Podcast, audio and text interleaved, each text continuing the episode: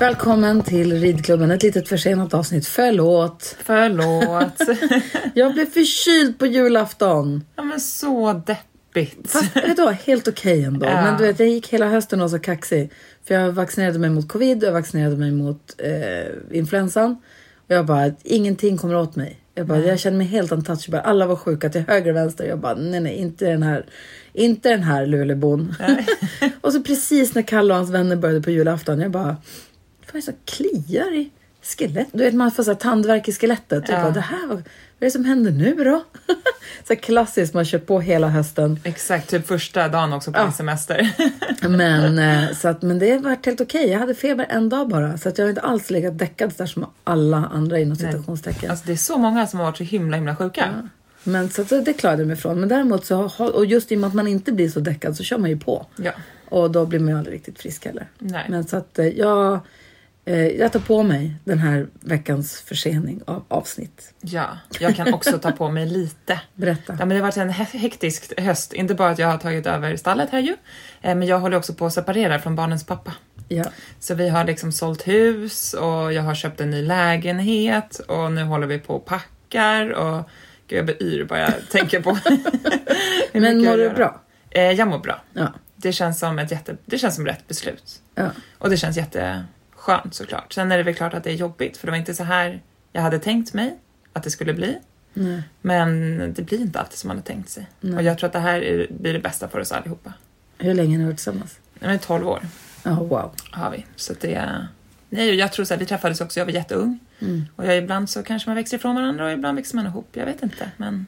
Men också skönt om man har gått och tänkt på en sån sak. För det är inte ett beslut man bara tar över en liksom, kaffe. Utan Nej. man går och tänker på det länge. Och då är det skönt om man bestämmer att så här, nu, gör- nu blir det så här. Ja, Att då vet man. exakt. Nej men verkligen. Så det har ju... Så här, befrielse är kanske fel ord att använda. Men ändå liksom, det känns lite så som att man kan ta ett djupt andetag och att nu har, nu har vi ändå landat i det här, att det här blir bra. Ja. Liksom. Ehm, så det, nej men det känns okej. Jag träffade Stefan här på parkeringen häromdagen. Ja. Det var så trevligt så. Ja. Ja. ja, nej men vi är kompisar. Alltså, Ja. så, så det är ju, nu Ja. gäller det bara hur man ska teama ihop sig för barnens bästa Mm. i framtiden. Liksom. Och så är det ju. Vi har inte tyckt all, alltid lika när vi var ihop heller och det kommer vi fortsätta och inte göra. Men Mm. jag tror att det är bara viktigt att man kan prata med varandra utan du har haft att... ganska mycket att göra under hösten om man tror. Alltså gud, jag bara hoppas att alltså, det enda jag vill 2024 är typ lugn och ro. Då är frågan så här. Hur blir du då när det är så här mycket tagit över anläggningen, gått igenom den här separationen, tar alla de här besluten. Sover du som en stock eller ligger du vaken på nätterna? För det där tror jag är så olika. Ja, ja, alltså jag är ju den här äh, tänkaren som börjar, du vet, hjärnan börjar snurra på kvällen och man tänker ju inget smart. Man är inte ett geni Nej. klockan 11 på kvällen när man borde ha somnat för en timme sedan. Ja. Eh, Kul att du tycker 11 är jättesent. Crazy, man vaknar 23.30. Det är ju det. Men eh, jag håller på att jobba med mig själv. Ja, Att jag ska kunna stänga av hjärnan. Mm. Jag brukar eh, försöka skriva ner saker jag kommer på som jag tycker är viktiga då. Liksom. Mm. Att jag skriver upp dem på en gång så att man kan släppa det. ja. Och bara så här, det här kan jag fortsätta tänka på imorgon bitti när jag är pigg och har sovit. Liksom. Jag lyssnar ju ofta på kvällarna på en podd som heter Somna med Henrik. Jag vet, du har berättat om den här men jag tror ju inte på den. Varför? För att jag kan inte liksom varken lyssna eller jag kan inte bara somna. Jo, prova honom. Ja. Jag säger till dig som lyssnar nu också, du som ändå är- i det här med poddar, lyssna på Somna med Henrik. Ja. För han, det han inleder alltid med att säga är att det är som det är och det blir som det blir och det finns ingenting som jag, du kan göra åt det just nu. Nej. Och det är som, alltså, för där du ligger där och då, du kan göra någonting imorgon, du kunde kanske gjort någonting idag, men där du ligger nu och då, Ja. nu och då, här och nu menar jag. Ja. Så just nu kan du inte göra någonting. Nej. Och det är ett ganska bra mantra att få in och bara säga nu det är som det är och nu ska Faktiskt. sova.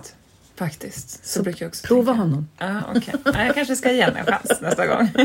Men du, Sylve kommer hit Ja, Sylvie kommer nu. imorgon när det här avsnittet släpps. Då blir det imorgon typ. Exakt. Och ska ha kurs i två dagar. Vad Ja. ser du fram emot då? Nej men det är ju igångsättningskurs. Jag har inte riktigt hunnit rida här.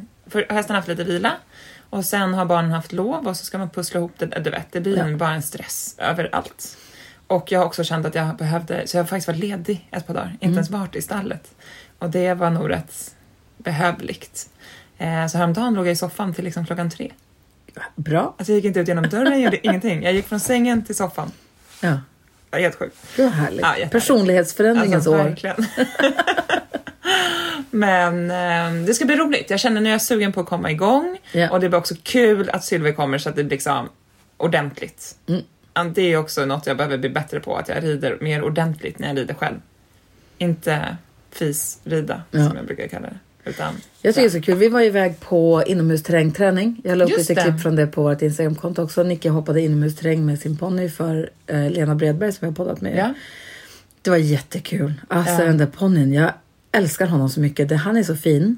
ja men Alltså, det såg ju jättehärligt ut. Och han bara Ör- öronen framåt. Öronen framåt, Ja. glad, hoppar allt med. Hoppar det stora bordet, hoppade de, hoppar spetsen, hoppar kulvertarna, hoppar häckarna.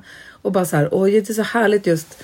Du som lyssnar nu har säkert hört avsnittet med henne hur hon är. Hon Ja. Mm. är så jäkla glad och peppig Lena. Och just det här, så bara dundrar du på till nästa hinder. Och sen så säger hon, hennes mantra är det här att kör allt som du ska göra och ändra eller påverka, det ska du ha gjort 25 meter innan hindret. Ja. Från 25 meter framåt finns det ingenting du ska eller kan göra, säger Nej. hon. Ja. Hon bara stå still, bara håll balansen, var med hästen. Ja. Hon bara allt du ska fixa ska du. Hon bara galoppen ska du ha där borta. Eller det ska du ha där borta. Sen ska du bara 25 meter innan ska du bara eh, hänga med. Ja. Och det, var, det är så härligt och hon har också så här, hon har så här släppt det här perfektionistiga och perfekt, utan så här, Mm. Bara rid på och hoppa hindret. Ja. Jättehärligt och jag tror bra kombination med det Sylve har. Ja. Som är så himla noggrann. Ja. Alltså jag tror att om man kan ta till sig de bästa bitarna av båda så tror jag att det är jättehärligt. Precis. Men sen Sylvan brukar också säga så här, hoppa där hindret står. Mm. Att det går liksom inte att hålla på och jag tror att han, det är lite samma Ja. egentligen ju. Ja. Att så här, rid bara fram till hindret. Och så hoppar man där det står.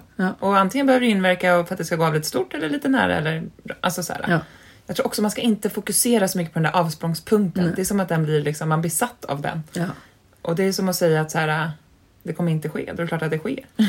Vi ska träna jättemycket i vår på bockar. Och så bara små sockerbitar med en bom. Ja, Bara träna avståndsbedömning. ja. Mm, det tror bara jag hitta är på rytmen, schemat. tror ja. jag. Alltså, jag tror också att det är så bra.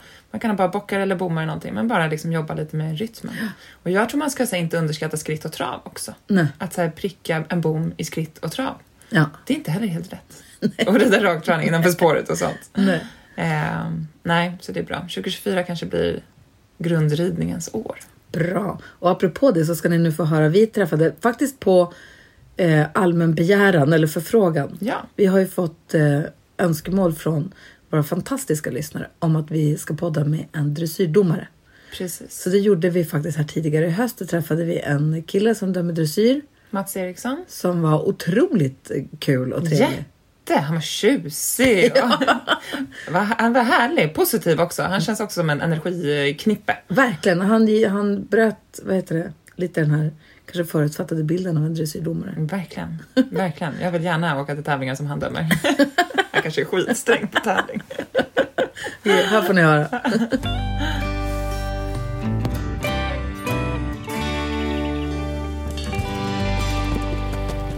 Välkommen till ridklubben säger vi till dressyrdomaren, ridläraren, seminassistenten Mats Eriksson. Ja, tack. Oj, påläst du Ja.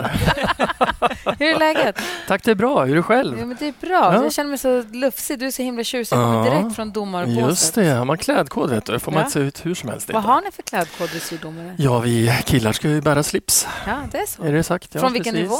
Nej, det är egentligen alltid.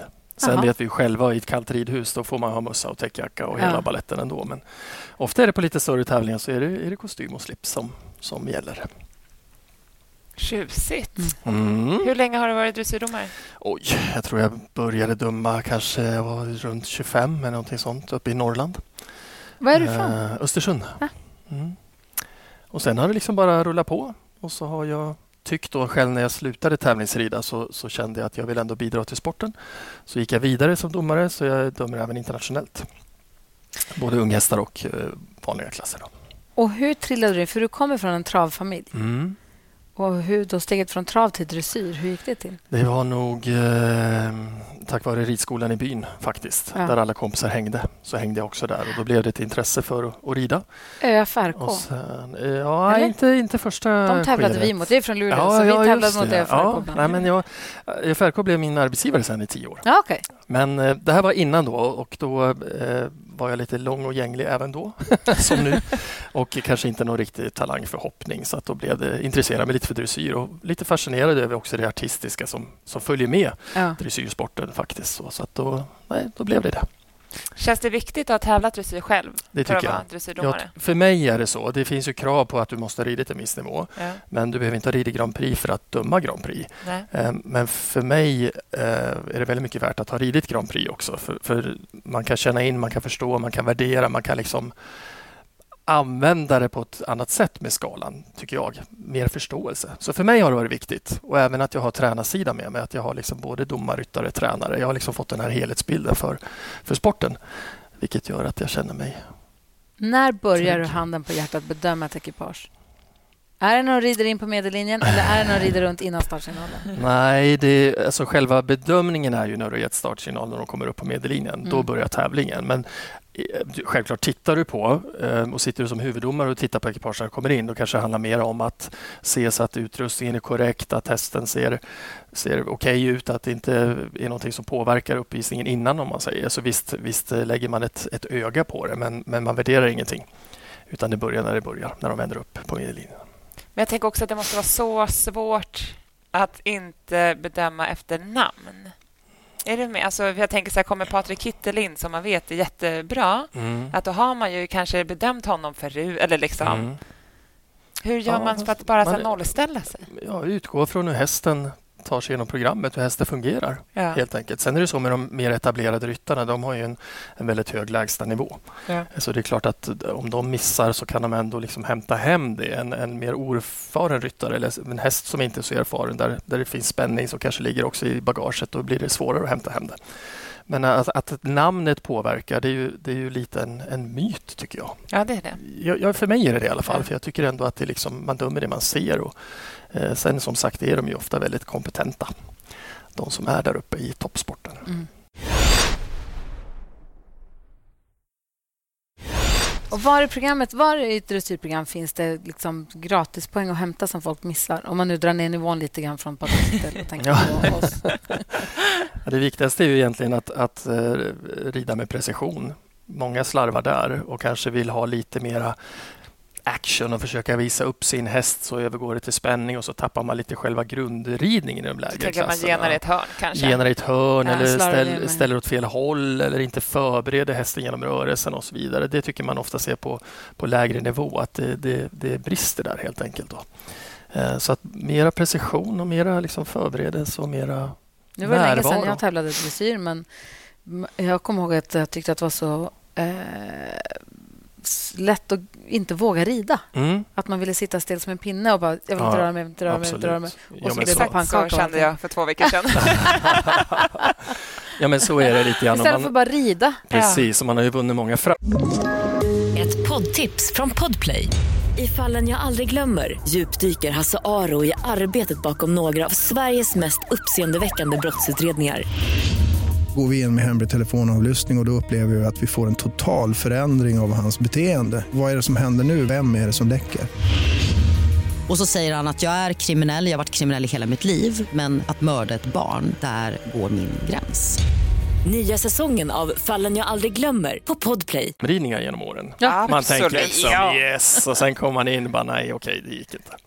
Det är speciellt. Det blir Ja. ju en spänning och liksom en anspänning i sig själv att visa upp det här. Men det har med rutin att göra. Men sen tänker jag också att det kan ju bli att hästen kan ju kännas på ett sätt på framridningen. Mm. Och Det kan ju ligga i ryttaren också Mm. såklart, att man rider på ett sätt i Mm. framridningen och blir spänd i banan. Eh, men nu har jag ju då köpt en, en ny hopphäst som är jättekul att rida dressyr på. Så jag tänker att jag ska börja tävla dressyr och vara med på KM hemma då. Mm. Eh, först det här var att man ska läsa dressyrprogram Ja. i livet. Det är inte helt lätt. Jag tycker dressyrprogrammen har blivit jättekonstiga. Tycker du? Det är konstiga halva volter och ridvägar som inte riktigt finns. och- Ja, det beror nog kanske lite på nivån också. Jo, det är sant. ja, men de programmen jag har läst på. Ja, Ja, mitt absolut. program var ganska basic. Okej. Det var snett igenom och sånt. Det där känner jag att jag har koll. Programmen har ju till uppgift på, på den nivån man visar upp det, att det ska liksom framhäva det som är, är bra och den nivån. Liksom. Det är ju en tanke bakom varje dressyrprogram. Det är inte bara så att man säger så här, nu ritar vi några vägar och så är det här med SHB, utan det är för att framhäva och förbereda också ridningen och, och liksom göra det på så bra sätt som möjligt. Ja, jag tänker också sen när man fick protokollet i efterhand att där, där ser man ju ett litet kvitto på vad Mm. man behöver träna mer på. Mm. Eh, men nu var ju min häst lite liksom avstängd. När vi, han var, han är aldrig, det är andra gången i livet vi rider ett dressyrprogram Mm. och första gången han ser ett dressyrstaket och ett, en domare och Mm. sånt. Så, att- och han var ju ändå inte tittig, vilket jag tyckte var härligt. Han var Mm. väldigt positiv. Ja. Eh, så det känns så kul att liksom jobba vidare Mm. med honom. Mm. Men han var ju lite avstängd och jag då också att man blir Ja, den här som gärna bara vill hålla i sig i sadeln och att det ska vara över.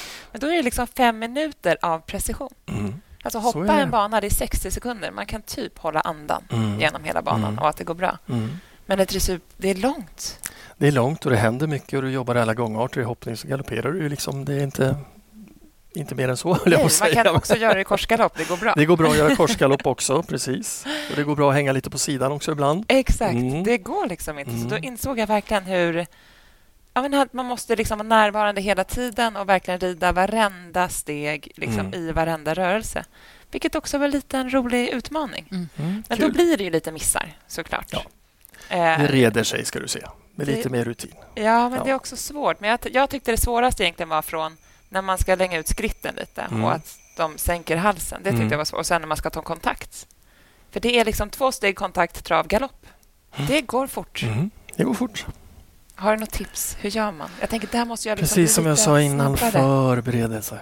Ja. Att man verkligen, du måste själv ligga lite steget före så du inte tänker oj nu är vi se, nu ska jag göra det här. Utan du måste planera vägen, precis som du gör i hoppningen. Och du vet antal galoppsprång kanske fram till ditt hinder och du vet vägen. Det är precis samma sak. Att rida ett dressyrprogram, det är som att hoppa en bana, det är bara att det inte finns hinder. Men man måste lika förberedd. Så du tänker att jag ska påbörja nästa steg lite före I tanken, ja. det börjar Ja, egentligen? precis. Så att hästen inte blir överraskad utan att du liksom är så förberedd som du bara kan. Ja, för det känner man kommer fram till bokstaven, hopp, upp med tyglarna och så Ja, det blir liksom... Ja, precis. Och så kan det ju kanske bli ibland om, om man tappar eh, kommunikationen på banan och så kan det bli liksom viss spänning i det. Men jag brukar säga att man försöker lära sig programmet också som vi bedömer det. Vi bedömer i bedömningsgrupper. Jaha, Eh, Många gånger lär ju... Många lär sig programmet bara som en slinga. Här börjar jag och här slutar jag. Och sen Exakt. händer det massa saker på vägen.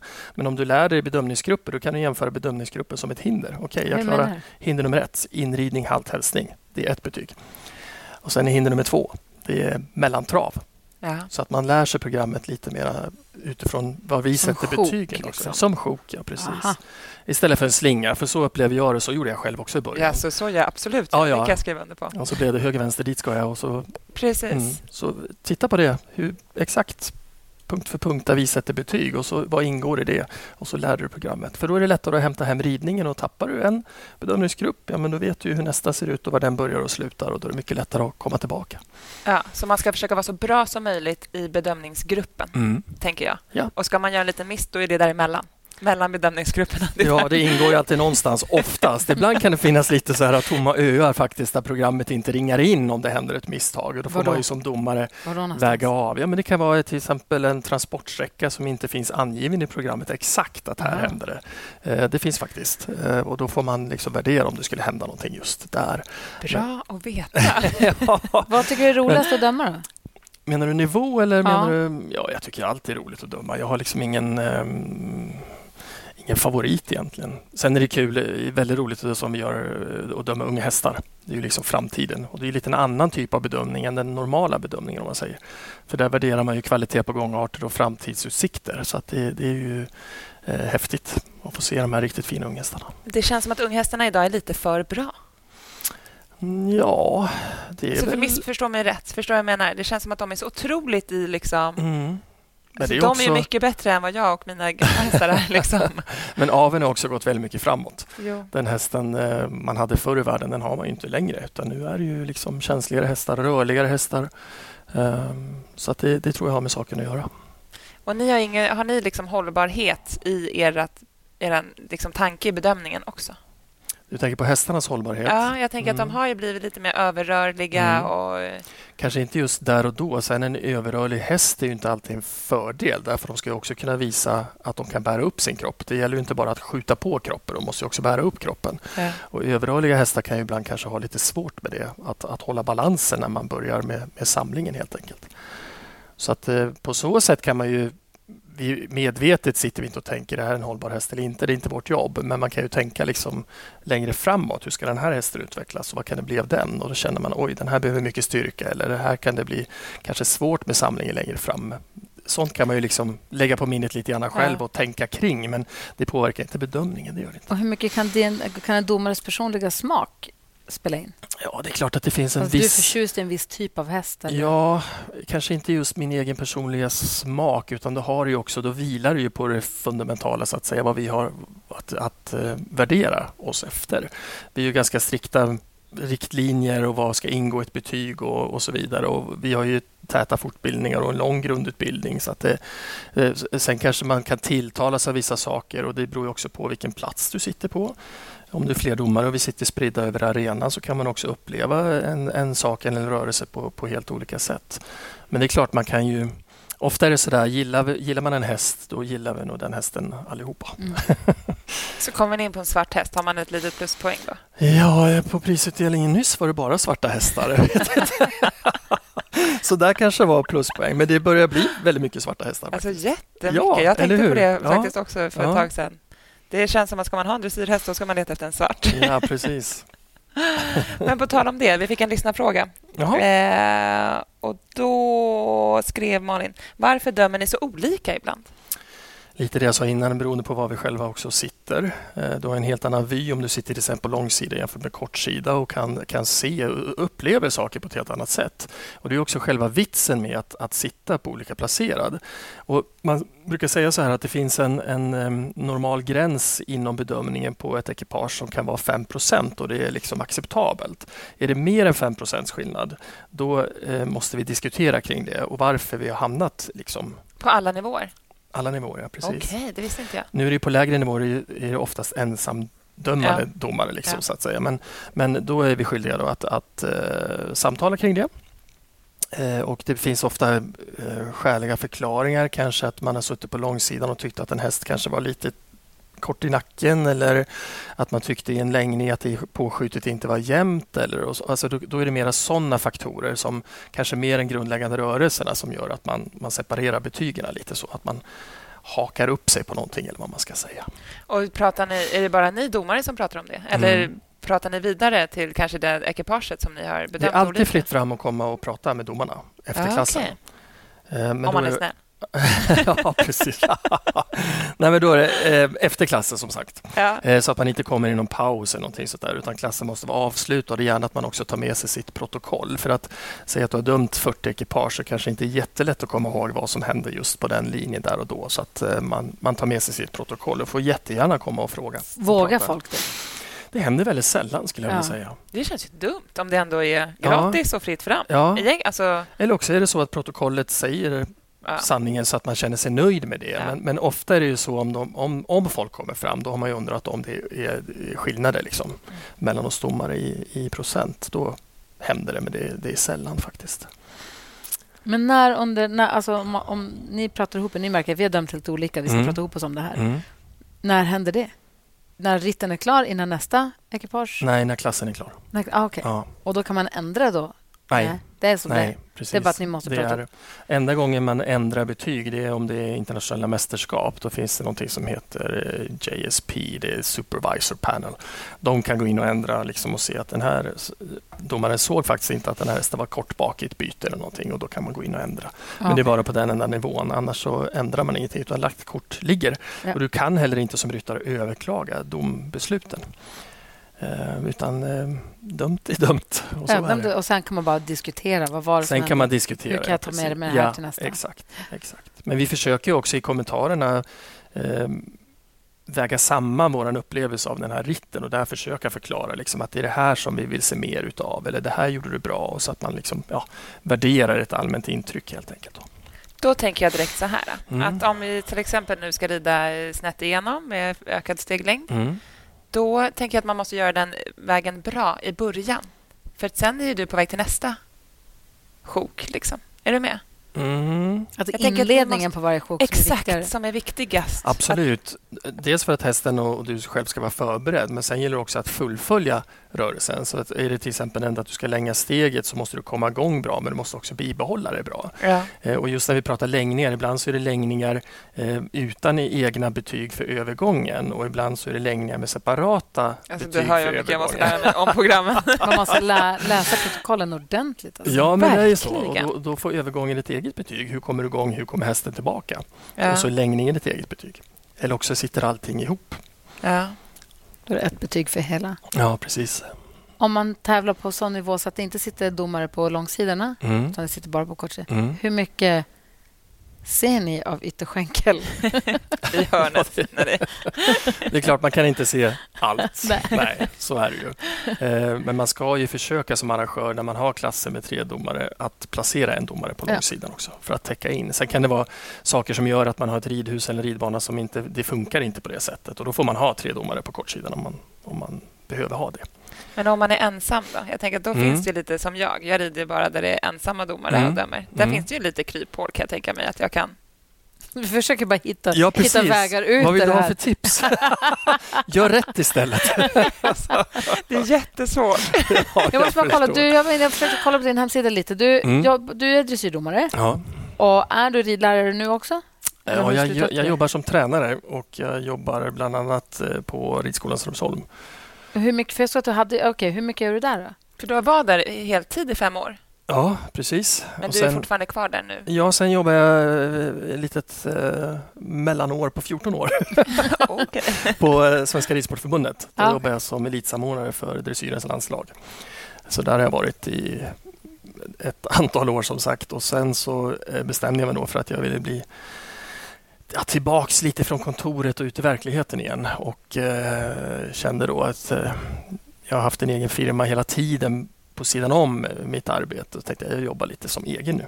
Så jag har lite konsultavtal och sådär och jobbar som, i huvudsak som tränare. Och lite uppfödare, eller? Lite uppfödare också, ja precis. Har några ston i avel och egen seminstation och seminerar själv. Och... Så liten. jag har liten. Jag har ett föl. Nej, men det är ett intresse som jag alltid haft och det kommer nog via min familj eh, som födde upp några travhästar. Jag tycker det var väldigt fascinerande. Ehm, så det har hållit i. Hållit i. Men Så- fölen, har du kvar dem och vrider in dem och Några har blivit ut? Eller? kvar och några säljs ganska tidigt faktiskt som födo. Så att, eh, jag har några fina nu om ni vill ha några En svart. du en Ja, svart? alltid. Jag bara, har en svart? Ja, Nej, faktiskt ingen svart i år. Nej, men gulliga på hemsidan. Mm. Jättegullig. Mm. Sögullig som jag såg. Men jag har Mm. inte plats för något föl. Nej, Står, det tråkigt. står inte så. Ja, eller bra. Men när du jobbade på Strömsholm de fem Mm. åren, vad var din arbetsuppgift? Jag jobbade i huvudsak som stallförman, såg till liksom att, att eh, eleverna hade stöd i, i stallarbetet så att säga och att hästarna mådde bra och att jag hade också en del undervisning. För jag har precis tagit över en verksamhet med ridskola Ah. och privatuppstallning. Wow. Och jag tänker att här kan jag få mycket bra tips. Wow. Har du något? Eller många bra tips. Nej, var bara tydlig. Ja. Det känns ju som att kommunikation Ja, är en utmaning. Kommunikation och att alla vet spelreglerna. Liksom. Då mår hästarna också bra. Att det är givna rutiner och att det är, liksom, ja, det är så här vi gör det på det här stället. Att det är vedertaget och uttalat. Då brukar det gå galant. Alltså det där uttalat tror jag är lite av en eh, nyckel. Mm. För det är väldigt mycket, jag ser inte nu specifikt stallet, men överhuvudtaget, nej, men så här, du borde förstått att. Alltså Ja. kan man ta upp på ett samhällsnivå i hela Sverige överhuvudtaget. Mm. Alltså du, du, du borde förstått att det är så här. Mm. Eller det borde du kunna listat Mm. ut själv. Och det är Mm. svårt Ja, det är svårt. när man är många. Så Det- är det och det Ju spelar ingen roll tydligare vad... man kan vara, desto Exakt. mer uttalat det kan vara, desto Och bättre. det spelar ingen roll vad du tycker att du har förmedlat om mottagaren inte uppfattar det. Nej. Liksom. Så För därför- all kommunikation sker på mottagarens förutsättningar. Exakt. Mm. Nej, men det kommer du fixa. Oh, tack. Det kommer gå galant. Nej, men jag tycker att det är väldigt roligt. Ja. Jag tänker att jag kommer lära mig mycket. Mm. Jag försöker vara liksom öppen i sinnet och också Mm. ta till mig av kritik. Eller liksom, jag tänker att jag vill ju bli bättre. Mm. Men jag har insett där att kommunikation är svårt. Mm. Och så är det också svårt för att vi alla... Och, men alla är ju olika och kan olika. Mm. Så vissa saker som kanske är självklara för mig är ju inte det för alla andra. Nej. Eh, så där känns det också viktigt med kommunikation och att man hela tiden försöker dela med sig av Mm. sin kunskap. Mm. Och att jag försöker lära mig mer hela tiden också. Liksom. Mm. Tänker jag. Men Mm. det, ja, ibland tänker jag att 80 hästar hade varit jättelätt till alla människor som kommer till. Det är oftast det som är det svåra. Ja, det är faktiskt så. Det är faktiskt så. Hästarna är ofta det lättaste. Ja, men och de, De är- Har man bara bra rutiner, då Ja. känns det som att Då hästarna... mår de bra. Ja, och Mm. då blir de också väldigt lätta att hantera. De Mm. vet vad som förväntas av dem egentligen. Liksom. De vet när de får mat, de vet när de ska gå ut och in i hagen. Och då hänger de på. Liksom. Mm. Ett poddtips från Podplay. I podden Något Kaiko garanterar östgötarna Brutti och jag, Davva, dig en stor dos skratt. Där följer jag pladask för köttätandet igen. Man är lite som en jävla vampyr. Man har fått lite blodsmak och då måste man ha mer. Udda spaningar, fängslande anekdoter och en och annan arg rant. Jag måste ha mitt kaffe på morgonen för annars är jag ingen trevlig människa. Då är du ingen trevlig människa, punkt. Något Kaiko, hör du på Podplay. Därför är gardinerna. Hur ser det ut för svensk elitdressyr nu? Jo, jag tycker det ser bra ut. Nu är jag kanske inte lika i, innanför skinnet på sporten bröst på den sidan när jag lämnade förbundet. Men, men det finns ju många, många bra hästar och, och många bra ryttare. Sen kanske återväxten eh, skulle kunna vara ännu lite större om man säger. Men vi vet allihopa att det, det är liksom en, en tuff bransch. Eh, det kräver mycket resurser. Nu pratar jag inte enbart om ekonomiska resurser. Du kan ju liksom um, ha bra förutsättningar ändå, att du får rida bra hästar och så vidare. Men, men det krävs ju ett, ett eh, hundraprocentigt engagemang, Mm. verkligen. Och tittar man på de elitryttarna som vi har i toppen idag så är ju många utlandsbaserade. Just för att det är ett annat utbud av, av tävlingar. Internationella tävlingar ser ut självklart lika för oss svenskar också men det finns ett helt annat tävlingssystem till exempel i Tyskland och eh, mera kanske lätt att komma ut och rida på nya hästar och ta fram nya hästar. Det är Liksom en, en, en större och bredare marknad och framförallt så är det ju liksom en, en eh, riktig yrkesroll. I Sverige är vi fortfarande kvar lite på hobbynivå. Jag säger inte att det är fel, absolut inte. Men, men eh, tittar man på till exempel Holland och Tyskland så är det ju verkligen, man lever ju på det här då. Ja, men precis. Och det är väl inte på hobbynivå för att man rider sämre eller tävlar sämre. Nej. Utan det har väl att göra med hur man ser på rid. Alltså att, Ja, att man inte tänker bolag och att man inte Ja, tänker att man inte bolagiserar. helt nej exakt. Att det har en hobby, Mm. eh, ett arv Ja. av det. Ja. Det snarare. f- finns ju många duktiga svenska, om vi nu ska kalla det hobbyryttare, jag vet inte om det blir så bra namn, men men. men som ändå haft fina framgångar Mm. och också rider mästerskap. Så att det ena utesluter inte det andra och det är absolut inte omöjligt. Men, men eh, det är lite intressant när man tittar just på vår egen svenska elit att de baserar sig ofta utomlands. Mm. I och för sig är det ganska mycket så i andra idrotter också. Men eh, ja, det är en liten... Vem är den roligaste som du har fått döma? Eh, tänker du på något namn eller vad tänker Ja. du på? Eller? Jag eh, kommer ihåg en ritt i, i Danmark. Det var Daniel Backman Andersen, den danska ryttaren, som red en Grand Prix special på Don Olymbrio från, från Blue Horse. Och den, eh, ja, det kommer jag aldrig glömma. Det var, det var så fin ridning. Och det var liksom så... Man fick verkligen ge betalt för det man, man upplevde. Och där kan man verkligen snacka om det jag var inne på i början, med hur man förbereder hästar. Det, det var som en resa hela programmet. Det bara liksom flöt på. Och det var väldigt häftigt att få döma det. Gud vad häftigt. Hur många procent fick han? Kommer du ihåg? Ja, över 80. Ja. Började du aldrig gråta när du ser en vacker det gör jag. nej, nej, jag vet inte om det ser bra ut om domaren börjar lipa mitt i ritten. Sådär. Men visst kan man Det bli så berörd. Det, det är ju en upplevelse. Visst Ja, men jag du tycker att det är så liksom att, eh, vackert med absolut. dressyr ibland. Och när man ser att det bara... Det är coolt. Liksom. Jag får gåshud. Ja, och det, och det kan man få som domare också när man ser det totala samspelet. Och det, det, det är klart att man blir, blir berörd utav det, men, men du är ju där i en, roll. Ja, Du, du du ska göra ett jobb. Ja. Gör ditt jobb. Du men låter det, inte känslorna styra, så att säga. nej. Nej. Sen tror jag känslor är viktigt i den här sporten. Eller Det, är- alltså vi jobbar med hästar. Det, vi jobbar ju med, berörs av känslor hela tiden när vi umgås med djuren och eh, människorna. Ja. Så att eh, det är klart att det finns där någonstans. Jag tror man måste ha en viss eh, nivå av känsla inblandat i det. Men sen måste du ändå vara konkret i din roll som, som domare. Jag förstår men- det som att det fanns en diskussion om att korta ner programmen tidsmässigt Mm, för att ja. göra den mer publikvänlig. Ja, man har säga. gjort försök i världscupen till exempel att hitta på ett kortare program och det har inte varit jättepopulärt hos ryttarna.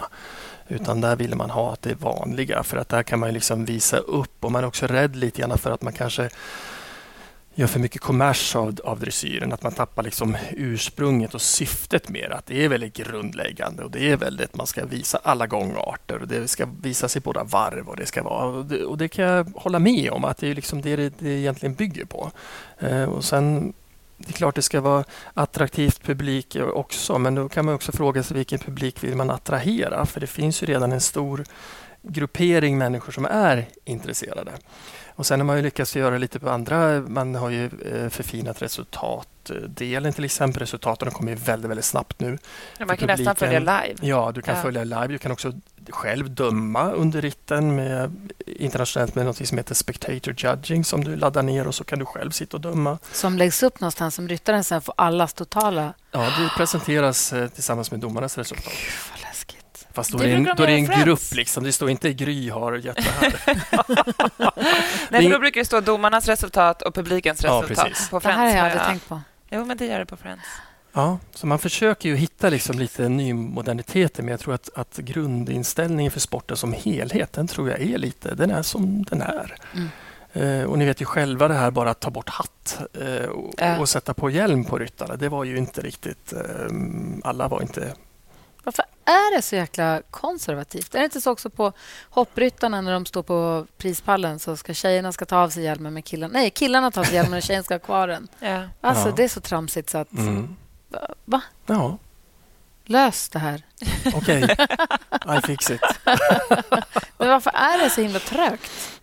Ja, Jag vet inte, det är, väl- det är väl också en... Hela sporten grundas ju verkligen på historiska fundament om man säger. Det gör i och för sig alla idrotter men vi har ju också det här djuret att ta hänsyn till. Mm. Och ibland tror jag att vi kan inte göra för mycket förändringar utan vi, vi, måste, vi måste göra det vi gör på Mm. bästa sätt för hästarna.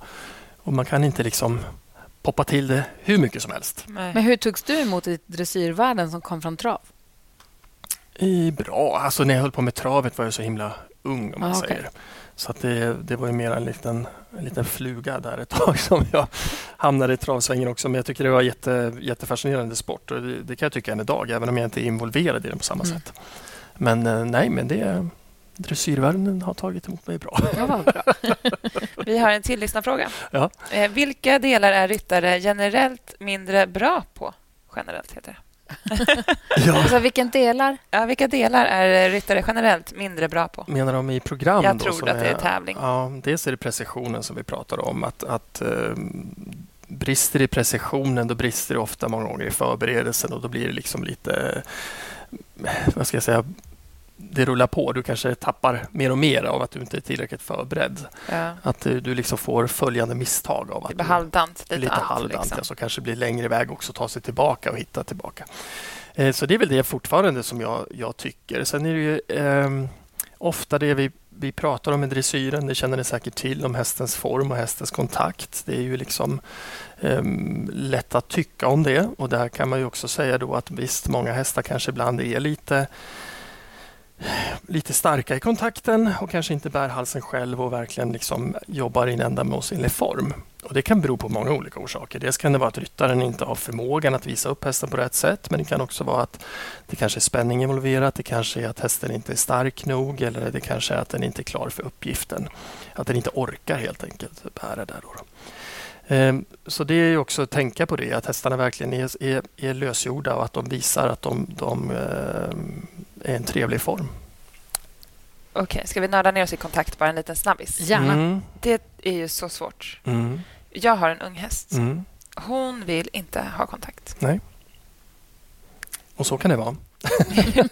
Hur gör jag då? Och det, det är det här som är lite komplext därför att jag tror Kan du att... beskriva känslan? Vad är det du känner när du rider? Förlåt. Nej, Nej, men alltså, nej, men hon går ju gärna i liksom en bra form och bär sig själv och Mm. nosen framme Mm, om jag har lite glapp i tygen. mm, Men så fort jag vill ha lite mer kontakt, att jag vill att hon ska ta stöd på bettet, mm, då går hon antingen bakom hand eller vill Mm. slå sig fri. mm. Det är en ung häst sa du, eller? Ja. ja. Det är ganska klassiskt det här att hästarna inte orkar riktigt med kanske att hitta riktningen och bära upp. Och det enda att göra där det är att jobba med, med övergångar och känna efter att, att du hittar eh, läget mellan framåtdrivande förhållande hjälper som gör att hästen lär sig att gå fram till handen. Ibland måste man erbjuda ett stöd till en häst som kanske sviker stödet så att den, den känner att jag finns här. Men sen får du vara väldigt, väldigt vaksam på att när hästen börjar förstå att den kan sträcka, då måste också eftergiften komma med. Men så att man inte liksom försöker kanske gasa på i ett högre tempo eller jaga kapp den här eftergiften utan jobba istället kanske skritt, trav, övergångar och bara låt hästen hitta sin balans. För ofta är det det som det, det brister i. Jättebra. Då ska jag göra det när jag kommer hem. Men det är svårt med kontakten, tycker jag. Det För kan är vara svårt. Med den absolut. äldre hästen nu som jag ska börja tävla dressyr på. Det är inte alltid helt lätt när den ska skritta på lite långtygen man ska ta kontakt igen. Mm. Det är ju gärna att de kanske vill slå sig lite fria Mm. i början. Mm. Och då sitter det mer i lösordheten och, och den här effekten av att hästen måste lära sig att gå fram till handen. Att den, den ska vara trivsam i handen. Ja. Och där kanske man som ryttare då blir lite orolig och parerar med händerna och hästen är inte tillräckligt lösgjord eller framme för hjälperna. Då blir det en spänning istället. Men kontakt är ju väldigt eh, enkelt också att, att på något sätt kritisera därför att alla kan ju se om en häst är, är över tygen eller bakom hand eller att den är kort i formen. Eller någonting. Det är ganska enkelt att titta på det. Det kan nog allihopa gå in och säga att den här är kort eller Ja. lång i formen och så vidare. Men man får tänka så här att kontakten är ett resultat hur hästen jobbar överlag. ja, det är inte bara halsen man Nej. tittar på. Liksom. Nej, och, det, och där är också lite medskick till, till ryttare att man måste känna liksom att hästen ska ju vara framme till handen, inte nere på handen. Nej. Och det är en väsentlig skillnad om man tänker om nosen är framme eller om nosen är nere. Kändes det inte som att det kom en trend där för några år sedan också att alla hästarna skulle gå väldigt hög och väldigt ihopdragen form? Ja, vi har ju haft lite... Alltså, nu tänker jag bara på hals och nacke. Då, alltså, Ja, formen. och det är väldigt mycket fokus på hals och nacke som, som jag sa där. Men, men det kanske också är lite, vad ska jag säga, efterdyningar av den här rollkur-trenden Mm. som vi hade då. Ja. Eh, den träningsformen som i, idag tycker jag verkligen har, har minskat och jag kan liksom inte känna att det är någon som aktivt brukar den. Förut var det liksom att titta på oss, vi rider rollkur. Det var liksom det nya trendiga som holländarna red. Mm. Men idag känns det inte riktigt så på samma sätt. Ehm, mm. Spännande. Okej, en eh, fråga till då. Eh, får man eh, avdrag om man smackar på hästen på banan? Ja. Vad, är det minuspoäng eller är det bara att man får sämre betyg? Det, man drar av eh, ett poäng från, tänker jag, åtta så får du sju för att du smackar. Okej, som jag gör uppe i hörnet. Då Mm. hör du inte det. Nej, kan det ju beror på. Om du har ryggen mot. Vi Exakt. försöker bara hitta, försöker bara hitta Eller smithål hela tiden. Jag säger det igen, gör som du ska. Men ibland kanske man bara behöver lite hjälp. Jo, men det är klart att det, det, det händer och ibland sitter man också som domare kanske i en bil eller du sitter i en Ja. kur och då hör du inte eller det blåser Perfekt, ute. jag ska det, kolla så att det är Eller bildomare. men när vi uppfattar det ja. eh, så är det ju en förstärkningshjälp så att då, då ska man dra av. Om min häst fattar fel galopp, Mm. och jag, är det bäst att byta galopp då? Nej. Eller sakta avfattande Sakta galopp? avfatta. Varför? Därför att det kanske inte ens ingår byten i klassen. Men Det ingår inte ett fel galopp heller. Nej, det är i och för sig sant, men du ska visa att hästen kan fatta korrekt galopp. Ja, okay. Det är där det har brustit, att hästen fattade fel galopp. Då måste det du ta fatt- ner. Ja. Jag tänker att jag får pluspoäng om jag kan göra ett byte också. Byte. Exakt. Nej, tyvärr. Okej, I'm men det här är sorry. typiskt bra att veta. Men för galoppfattningen är ändå körd. Då är det ju själva galoppen sen som ska bedömas. Så kanske man bara får bättre flow om man bara byter. Ja, men du ska ju visa att du kan fatta galopp. okej. Ibland kan okej, du kanske inte hinner eller så känner du så här, nej men jag... Eller hästen jag, har bytt redan ja, innan jag precis, jag kör på det här och då är det som det är. Men är du med och du hinner, om hästen eh, fattar fel, då måste du bryta fatta rätt. Liksom. Om jag rider fel väg, Mm. vart liksom, då blåser ju domaren Mm. och säger någonting att det är fel väg. Mm. Och vart börjar man om då? Där är bedömningsgruppen där det blev fel. Och om så jag inte kommer på vart jag ska? Då talar domaren om det för dig. Är det så? Ja, då, då kan du få hjälp. Absolut. Det visste inte jag. Jo, då kan vi säga Börja så här, vänd från tillbaks A. till K. Ja, precis. Ja. Så att då är det sådär. Och det- felridning kan ju vara väldigt kostsamt. I vissa internationella program så är det 2 inte 2 poäng. Så säg att du rider, slutar... Det är ändå på så hög nivå som Mm, det det sker att man rider fel Ja, ja. också, tänker jag. Precis. Jag tänker att det bara är 2%. jag.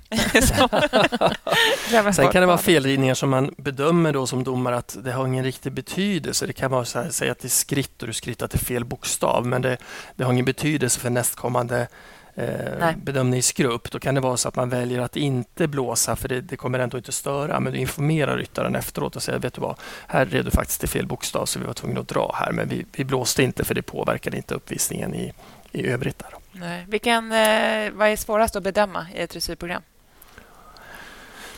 Det enklaste att döma, jag vänder på frågan, Ja. det är ju när, när allting är bra. Ja. Alltså bra är alltid lätt att döma.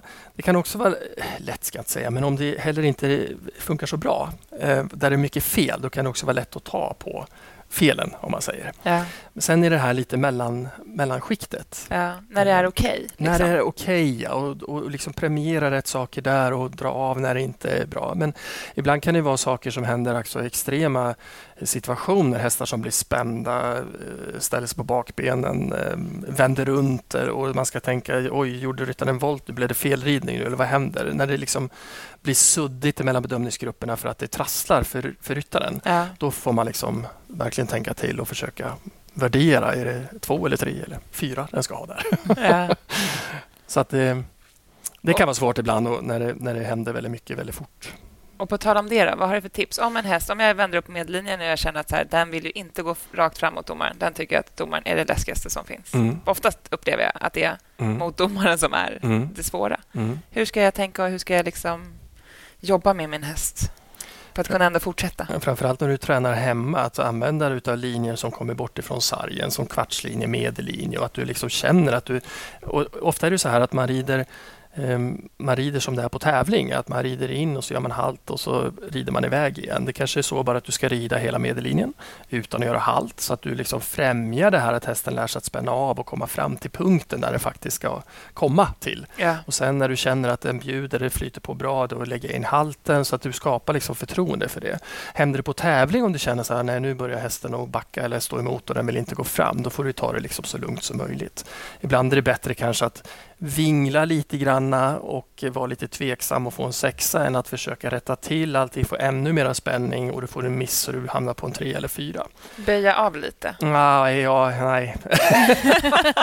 nu är vi där igen. Jag tänker hur jag ska göra om det blir så. Ja. Nej, Då men får man ju försök. bara lämna den bakom. Så bara, Lite det så, ja. vingligt, men Precis. skit i det och så Ja, bara kör på nästa så. istället. Men för jag att tänker man vill ändå komma fram. Om hästen, vissa hästar har man ju sett, de Ja. vänder ju. De vägrar ju ens att gå rakt fram. Du, du kanske får hålla emot lite med skänken för att du ska komma dit du ska. Och, och ofta är det så att kommer du inte hela vägen fram dit du ska vända, ja, men då får du också böta lite grann för nästa bedömningsgrupp. Du kanske inte ens kommer ut i första hörnet eller hästen trycker emot skänken i första delen av längningen och så vidare. Så att, men det är sånt som händer. Men det, det viktigaste är att försöka öva så, så korrekt som möjligt och skapa förtroende. Ja. faktiskt. För dressyrdomarens roll är att, att utvärdera utbildning, Ja. kan man säga. För jag tänker också, jag, eller jag har tänkt mycket på eftersom att det är en hopphäst som jag tävlar dressyr på Mm. nu. Så varje, så fort man vänder snett igenom, då vill ju den bli galopp Mm. av sig själv. Mm. För att den tror Mm. att den ska göra det. Mm. Eh, och då har jag, min dressyrtränare pratat mycket om att vi inte ska göra där det förväntas Mm. göra. Alltså, Nej. till exempel, eller om man ska vända snett igenom i trav, då är det oftast också en ökning av Mm. traven. Ja. Eh, och att man kanske inte gör det då på den linjen. Nej. Hur tänker du kring... Nej, men det är helt eh, korrekt tycker jag.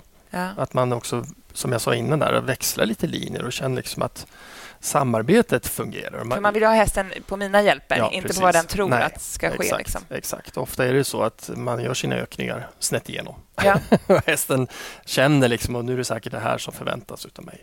Ja. Välja andra linjer eller öva lite på andra sätt. Liksom. Sen måste du självklart öva som det är i programmet också så att du får in feelingen för det. Men, men eh, att hela tiden göra på samma sätt det kan också göra att det blir förekommande. Om man ska titta på någon som tävlar dressyr finns som inspiration, Mm. vem tycker man ska hålla ögonen på nu? Det finns ju internationellt flera stycken. Jag tycker till exempel Jessica von Bredow Werndl från Tyskland. Jättebra. Ja. I Frans, det, var, det var då jag grät. Mm. Ja, då gratulerar Nej, men Det är liksom så mycket harmoni och, och eh, Charlotte Dujardin, Katrin Dufour. Det finns många duktiga ryttare. Vi har svenska ryttare också som är väldigt duktiga. Therese Nilshagen eh, som, som kan visa väldigt fin, fin harmoni och ett väldigt fint samspel. Det är det dressyr bygger på. Liksom. Så det, fin, det finns nog ganska många, Mm. tror jag. Ehm, och Man kan också titta på eller försöka värdera och inte bara tänka liksom vad dåligt det här var utan fundera lite var, varför får den här ryttaren inte till det? Vad är det brister i? Och, så man nördar ner sig även i det kanske för att känna hur skulle hon ha gjort egentligen? Inte bara fängslas av allt som är, är bra. Men det är bra inspiration, självklart. Ja. Men det kan också vara lite inspiration att tänka the other way around. Liksom. Vart hämtar du inspiration ifrån? Ja, tack vare att jag lever med hästar, jag säga 24-7, så inspireras väl hela tiden. Eh, men man är ju aldrig, aldrig fullärd i det här. Ju mer man håller på med Absolut. hästsporten. ju mer ödmjuk blir man och ju mer man sitter i domarrollen ju mer ödmjuk blir man. Liksom. Ja. Och, eh, nej men jag, eh, tittar man på liksom, eh, dressyrdomeriet så klart man kan inspireras av kollegor som är väldigt duktiga och, och har ett, ett bra språk och tydlighet i sitt dömeri. Och så där. Det är klart att man har sådana förebilder också. Ehm, men man, jag inspireras nog väldigt mycket av glada hästar och harmoni.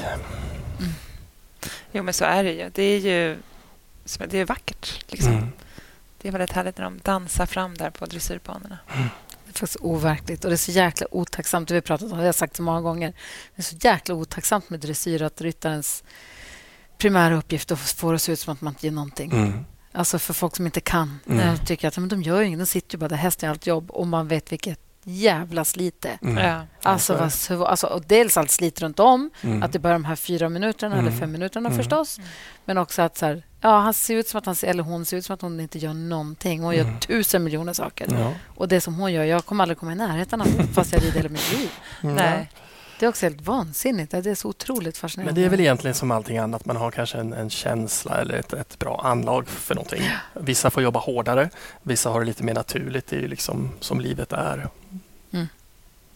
Men det är jättekul. Ja, det är Och till sist om man bara ska säga, om man är hopprytt, alltså vi pratar mycket om, vi alla rider ju dressyr och jag pekar på Nicke som sitter bakom också, hopp, hopp tävlar ju Mm. med rider ju dressyr för Mm. tränare minst en gång i veckan. Mm. Men sen så all annan ridning som vi sa precis nyss till någon, alltså mellan hindren är det ju dressyr Mm. också. Visst är det så? Alltså, Ja, ja, men det bygger absolut. på dressyr. Ja, ja, Att även för hoppryttare så är det så jäkla viktigt med dressyren. Det är sånt grundläggande arbete. precis.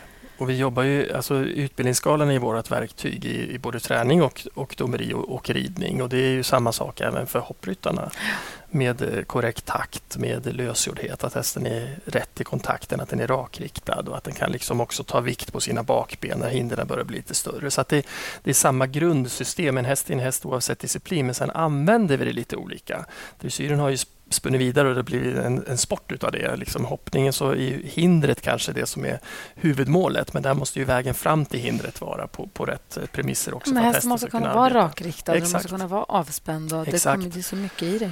Och sen är det inte bara hästarna utan vi har ju också ryttarens utbildningsskala och där kan man känna att det, det, där får man också lägga ner lite fokus som ett tips till, till dressyrryttare. Liksom att man, Det är, okej, jag tänker kan ta på- det. Ja, men lite så. Och det här vi pratar om, vissa ser det så lätt ut för. Ja, men man får jobba lite på sin sits och balans och man får liksom öva på mycket övergångar för att hitta sin timing och man får sitta mitt i sadeln. Alltså det är viktigt att man också går till sin egen utbildningsskala, liksom att, att jag kan hjälpa hästen och inte bara tänka att hästen ska göra det här och det här, utan jag måste ju bidra till det.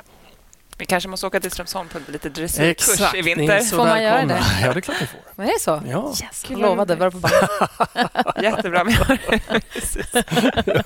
Eh, Superkul att få prata med dig. Verkligen få en liten inblick i ditt arbete. Och eh, passa dig, vi kanske kommer. Och vi kanske tar med oss ett föl då på vägen hem. Ja, perfekt. Jag kan inte behärska mig runt föl. Det går inte. Tack snälla. Tack snälla.